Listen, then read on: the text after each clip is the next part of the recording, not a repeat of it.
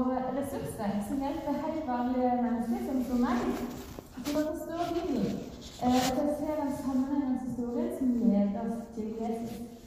Eh, og de har laga en video om Efeserbrevet. eh, og de deler Efeserbrevet i to deler. Del én, som vi skal snakke om i dag, kaller vi for The Gospel Story. Altså historien om evangeliet. Mens del to, som Espen skal snakke om, kaller vi for Our Story. Altså vår historie. Hva skjer etter vi har hørt og fått del i evangeliet? Hvis du ikke har lest Efeserbrevet, så vil jeg anbefale at du bruker litt tid på det framover. Eh, for som Alexander sa for to uker siden, så er det antatt at eh, dette brevet her eh, var ikke bare skrevet til menigheten i Jesus, men det var et brev som florerte rundt i flere av menighetene. Eh, fordi at det er et brev som er veldig generelt, og det er et brev som gjelder alle oss kristne. Eh, for Paulus han adresserer ikke en spesiell, et, et spesifikt problem eller en konflikt i menigheten i Efesos, men han bruker ikke hele brevet på å fortelle om Guds frelsesplan, om evangeliet, om hvordan Jesus kom til jorda for vår skyld, og hva det har å si for oss i dag. Jeg har delt dagens tale inn i tre deler. Planen, redningen og resultatet. Og Vi kommer til å lese en god del tekst sammen, så hvis det er med Bibelen, så kan du gjerne slå opp der. Og hvis ikke, så kommer versene opp på skjermen her etter hvert. Men vi begynner med Bibelen. Første del av kapittel 1 er formulert som et dikt. Og på gresk er faktisk vers 3-12 formulert som en eneste lang setning. Noe som jeg tenker tyder på en slags ivrighet hos Paulus når han skriver. Eh, og Vi skal lese fra slutten av vers 7 til og med vers 10 sammen. Da står det Så rik er Guds nåde, som Han har latt strømme over oss med all visdom og forstand, da Han kunngjorde for oss sin viljes stedet. det Han gjerne vil gjøre i Ham. Han ville fullføre sin frelsesplan i tidens bilde og sammenfatte alt i Kristus. Alt i himmel og på jord i ham. Jeg er ikke særlig god på mysterier. Verken når det er bok eller når det er film. Ofte så kan jeg se de sporene som alle andre ser, og så tolker jeg ting i helt feil retning. Eh, så når jeg begynte å forberede meg på denne talen og leste om dette Guds viljes mysterium, så gikk jeg først litt i kjelleren, for jeg tenkte at det høres veldig vanskelig ut. Eh, og jeg tenkte at jeg måtte liksom lete med lupe gjennom hele Efeserbrevet for å kanskje klare å finne en eller annen løsning. Men så hørte jeg en tale der Tim definerer mysterium som noe ukjent som har blitt kjent. Og da gikk det opp for meg at svaret på hva som faktisk er Guds viljes mysterium, det kommer allerede i neste vers, nemlig at Gud han vil fullføre sin frelsesplan og sammenfatte alt i Kristus. En plan som før var ukjent, men som nå er blitt. Å sammenfatte det er det samme som å samle sammen noe, eller å forene noe. Og når Gud vil sammenfatte alt i Kristus, så betyr det at han vil gjenopprette den enheten som fantes før syndefallet. Når menneskene først synda og vendte seg bort ifra Gud, så begynte ting å fragmenteres. Menneskene vendte seg mot hverandre, mot Gud, mot som førte til uenighet, splittelse og krig. Og alt det som er vondt i verden, det er et resultat av det. Men gjennom Jesus så ønsker Gud å samle dette sammen igjen. Sånn at vi vendes til hverandre, til Jesus, til Gud, som forener oss. Og dette ønsket eller denne planen, det fører videre til neste punkt, nemlig redningen. I begynnelsen av kapittel 2 så skriver Paulus om hvordan vi mennesker lever uten Gud. Mens som videre forteller om den frelsen som vi får del gjennom Jesus. Vi skal lese vers 1-10 i kapittel 2 sammen. Det er ganske mange vers, så dere følger med så godt dere kan. Der Dere var en gang døde på grunn av deres misgjerninger og synder. Dere levde i dem på den nåværende verdens vis og lot dere lede av herskeren i himmelrommet, den ånd som nå er virksom i de ulydige. Ja, vi levde alle en gang som de. Vi fulgte lystene i vårt eget kjøtt og blod og lot oss lede av det var våre egne tanker. Vi var av naturen under Guds nede, vi som de andre. Men Gud er rik på barmhjertighet. Fordi han elsket oss med så stor en kjærlighet, gjorde han oss levende vi som var døde på grunn av miserier. Av nåde er dere frelst. I Kristus Jesus har han reist oss opp fra døden, sammen med ham, og satt oss i himmelen med ham. Slik ville han i de kommende tider vise hvor overstrømmende rik han er på nåde, og hvor god han er mot oss i Kristus Jesus. For av nåde er dere frelst ved tro. Det er ikke deres eget verk, men Guds gave. Det hviler ikke på gjerninger for at ingen skal skryte av seg selv. For vi er Hans verk, skapt i Kristus Jesus til gode gjerninger som Gud på forhånd har lagt ferdig for at vi skulle vandre i dem. Disse versene forteller oss egentlig hele kjernen i evangeliet. Om hvordan Gud sendte Jesus til jorda for å dø for oss, sånn at Gud igjen kunne reise ham opp fra døden og samtidig gi oss del i den samme redninga. Som kristne så har Gud reist oss opp fra døden. Og vi kunne ikke klare å komme til Gud på egen hånd. Men Gud er så rik på nåde at han velger å gi oss denne frelsen gjennom Jesus som en gave. I Matteus 27 så leser vi om Jesus dør på korset. Eh, og det står at eh, når Jesus døde på korset, så revna forhenget i tempelet fra øverst til nederst. Og jeg syns at det er et av de fineste bildene på hva som faktisk skjer når Jesus dør. Fordi forhenget i tempelet det hang imellom to rom som var kalt det helligste og det aller helligste. Og oppfatninga på den tida det var at Gud han var i det rommet som het det aller helligste. Og her var det bare øverstepresten som fikk lov til å komme inn. Og det kunne han kun gjøre én gang hvert år. Og forhenget i tempelet det var et skille mellom Gud og mennesker. Og når Jesus dør, så opphever han dette skillet. Gjennom sin død så gir Gud oss direkte, nei, Jesus oss direkte adgang til Gud. Og vi trenger ikke lenger å gå gjennom andre, eller vi trenger ikke vente på den ene dagen i året når øvelsesplassen handler om Gud. Gjennom Jesu død og oppstandelse så samler Gud sammen alt det som er fragmentert, alt det som er ødelagt, og gir oss på nytt mulighet til å være sammen med Ham. Sånn planen var allerede fra starten av, og sånn som livet var før syndefallet. Efesene 2,8 det er grunnleggende for hele mitt liv som kristen. For av nåde er dere frelst ved tro. Det er ikke deres eget verk, men Guds gave. Det er ingenting vi kan gjøre for å fortjene denne nåden.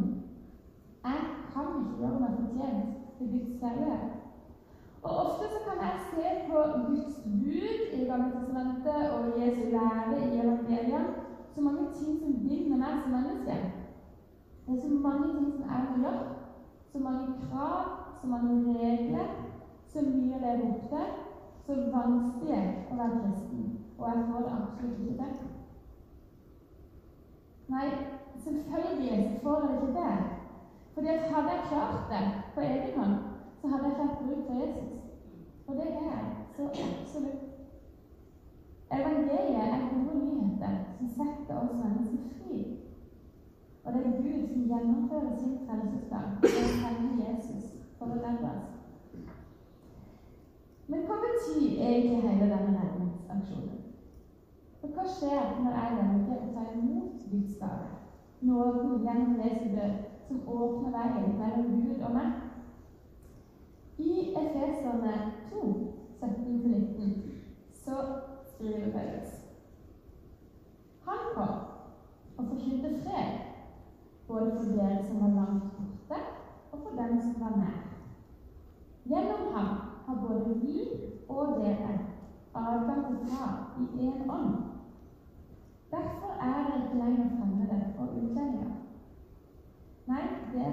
helligseneddommere og Guds familie. I Apostelens gjerninger kapittel 19 og 20 kan vi lese når Paulus var i Efesos eh, og forkynte evangeliet. Og i Efesos så bodde det både jøder og grekere.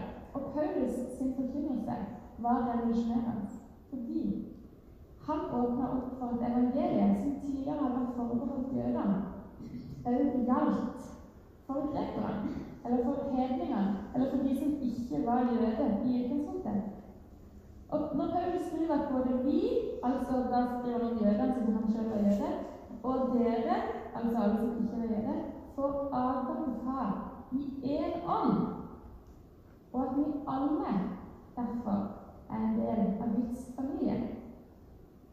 Det betyr at gjennom Guds frelse og redningsplan så blir vi alle en del av Guds verdensvide familie når vi velger å ta imot den frelsen som Gud gir gjennom Jesus. Og jeg syns at dette familiebildet er veldig fint. Vi har vært inne på dette allerede i den gudstjenesten. For dette knytter oss som kristne sammen.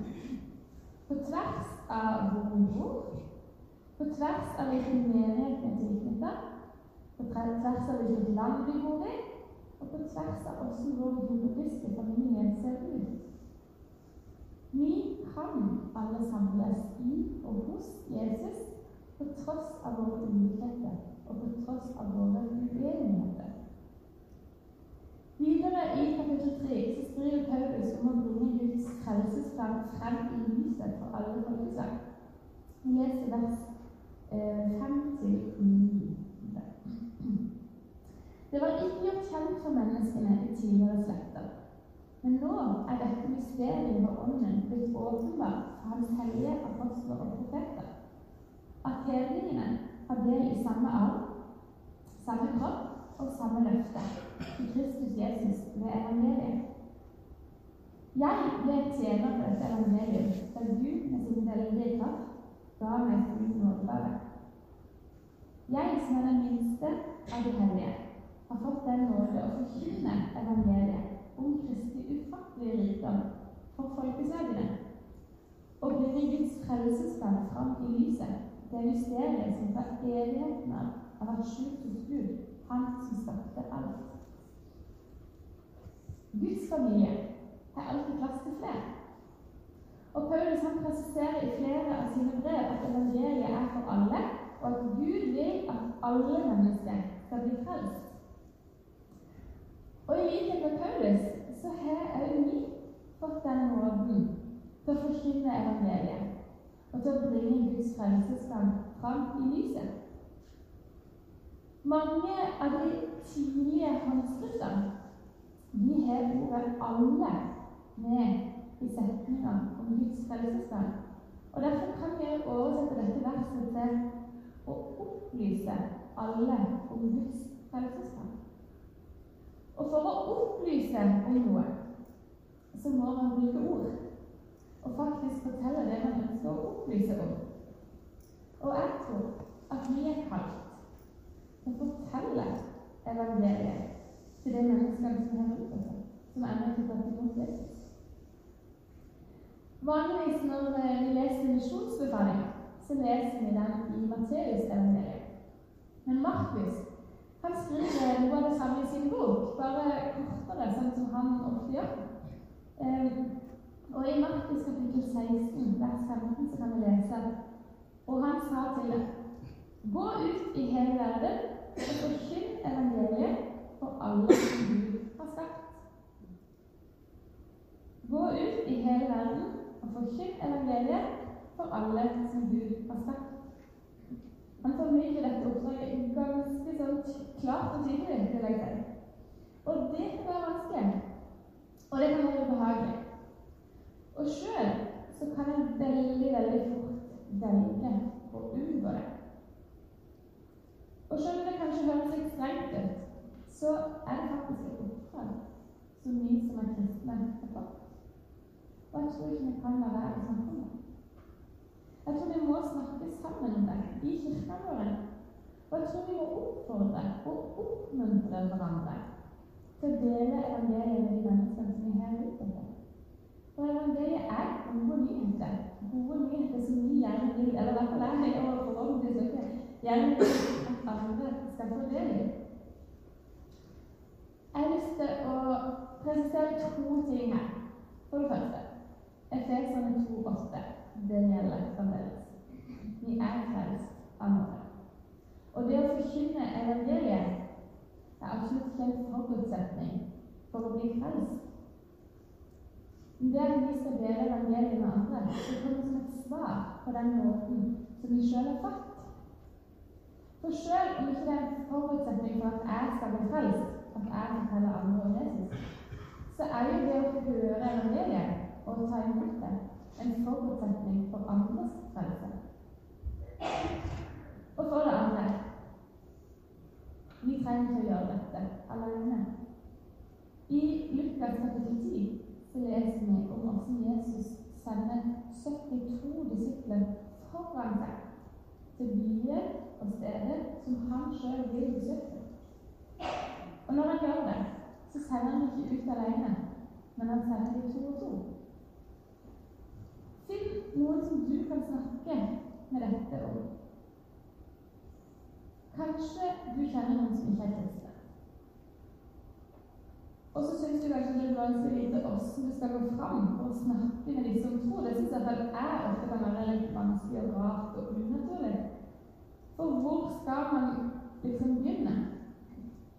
Men finn noen i menigheten din eller noen andre som vet at er kristne, og snakk sammen om det.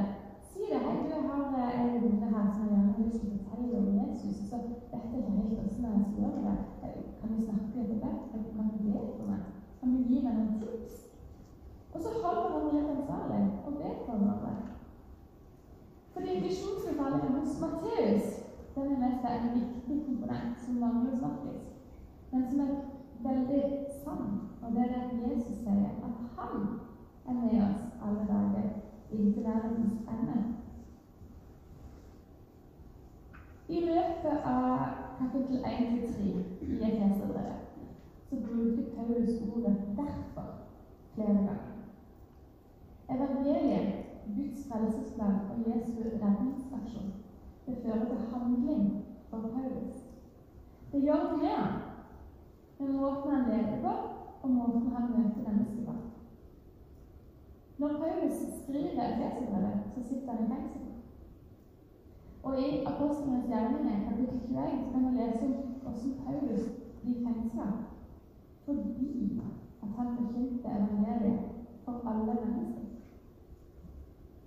Alexander han eh, avslutta talen sin for to uker siden med sitat en John Wooden. Han var en kristen basketballtrener som ble kåret til tidenes beste trener i USA.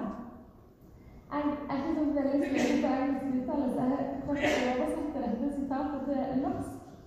For han har nemlig sagt at hvis jeg noen gang blir tiltalt eller straffeforfulgt for min tro, så håper jeg virkelig det finnes nok beviser til å dømme meg.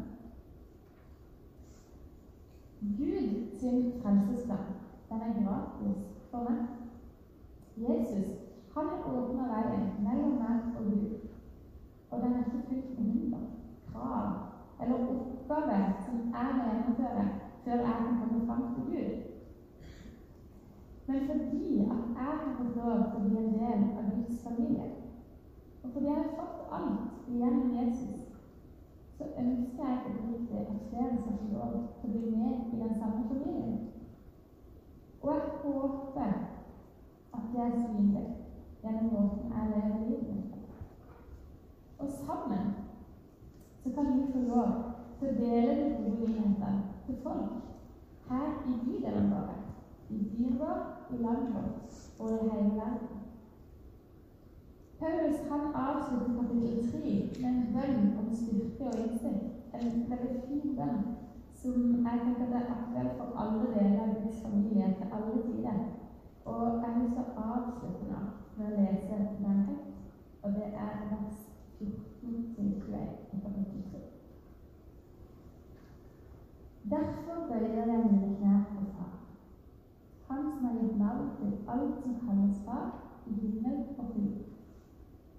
Må Han, er så rik på herlighet, gi deres indre menneske kraft og styrke ved sin ånd må Kristus ved troen bo i deres hjerte, og dere står rotfestet og grunnfestet i kjærlighet. Må dere sammen med alle de hellige bli i stand til å fatte bredden og lengden, høyden og dybden. Ja, kjenne Kristi kjærlighet som overgår all kunnskap. Må dere bli fylt av hele Guds fylde. Han som virker i oss med sin kraft og kan gjøre uendelig mye mer enn det vi ber om og forstår.